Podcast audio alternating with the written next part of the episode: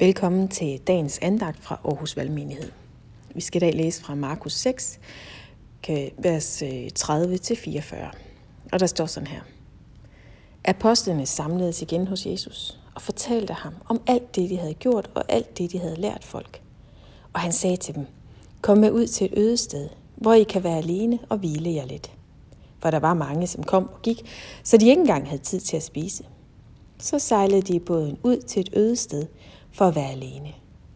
Men mange så dem til afsted, og de genkendte dem, og fra alle byerne strømmede folk sammen til fods, og de nåede frem før dem.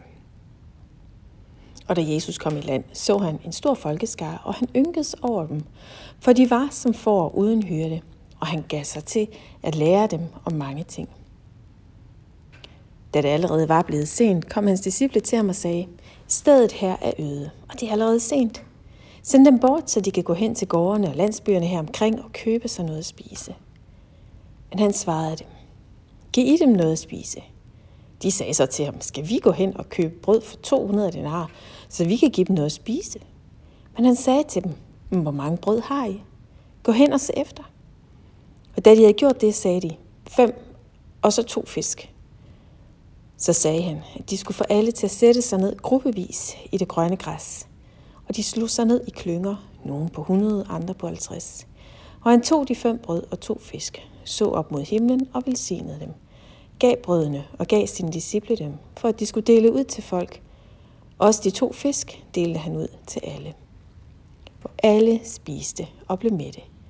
Og de samlede stykker sammen, også af fiskene, 12 kurve fulde.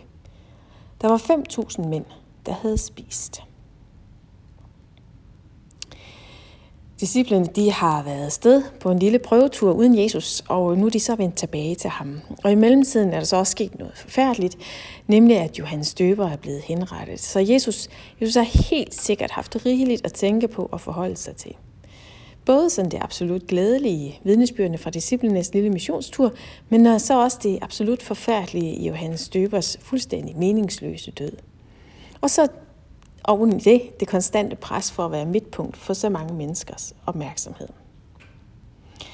Og selvom vi nok kan tænke, at ah, det var nok måske Jesus selv, der havde mest brug for fred og ro, så udviser Jesus her en enorm omsorg for sine nærmeste venner. Han siger til dem, at de skal komme med ud til et øde sted, hvor de kan lade op, få noget at spise, hvor de helt almindelige menneskelige behov kan imødekommes. Man kan ikke bare give og give. På et tidspunkt skal man fyldes op. I nogen tid kan kroppen godt klare sig fysisk uden mad, men på et tidspunkt så er alle reserver brugt op. Så skal der fyldes på. På et tidspunkt er der ikke flere smil tilbage. Så er der ikke mere overskud. Vores telefon løber jo faktisk tør for strøm på et tidspunkt. Og det kan jo ske på alle områder af vores liv, der skal fyldes på, før end vi kan give. Og flere gange gennem Markus evangeliet, der læser vi, at Jesus han trak sig tilbage for at være alene, for at bede, for at komme de helt almindelige menneskelige behov i møde.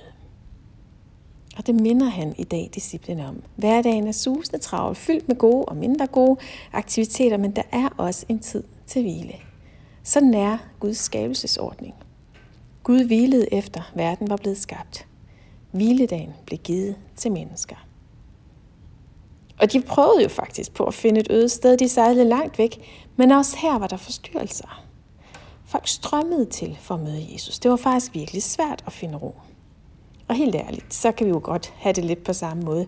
Vi vil egentlig gerne prøve at finde roen. Vi vil gerne prøve at blive fyldt på. Vi vil gerne prøve at sidde stille, sådan helt stille, så vi virkelig kan høre, hvad Gud siger. Og hvad sker der så?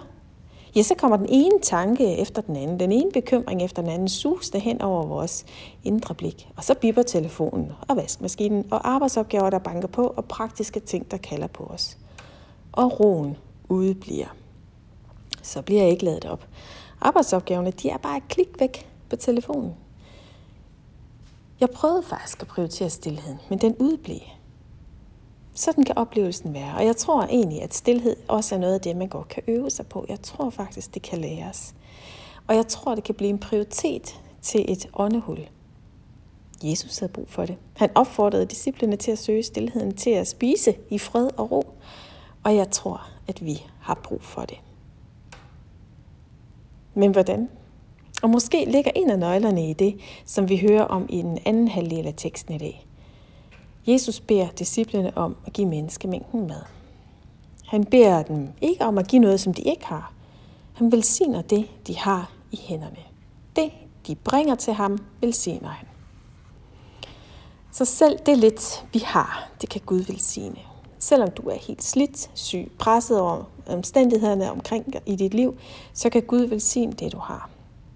Og han kan lægge meget mere til, end du overhovedet kan drømme om.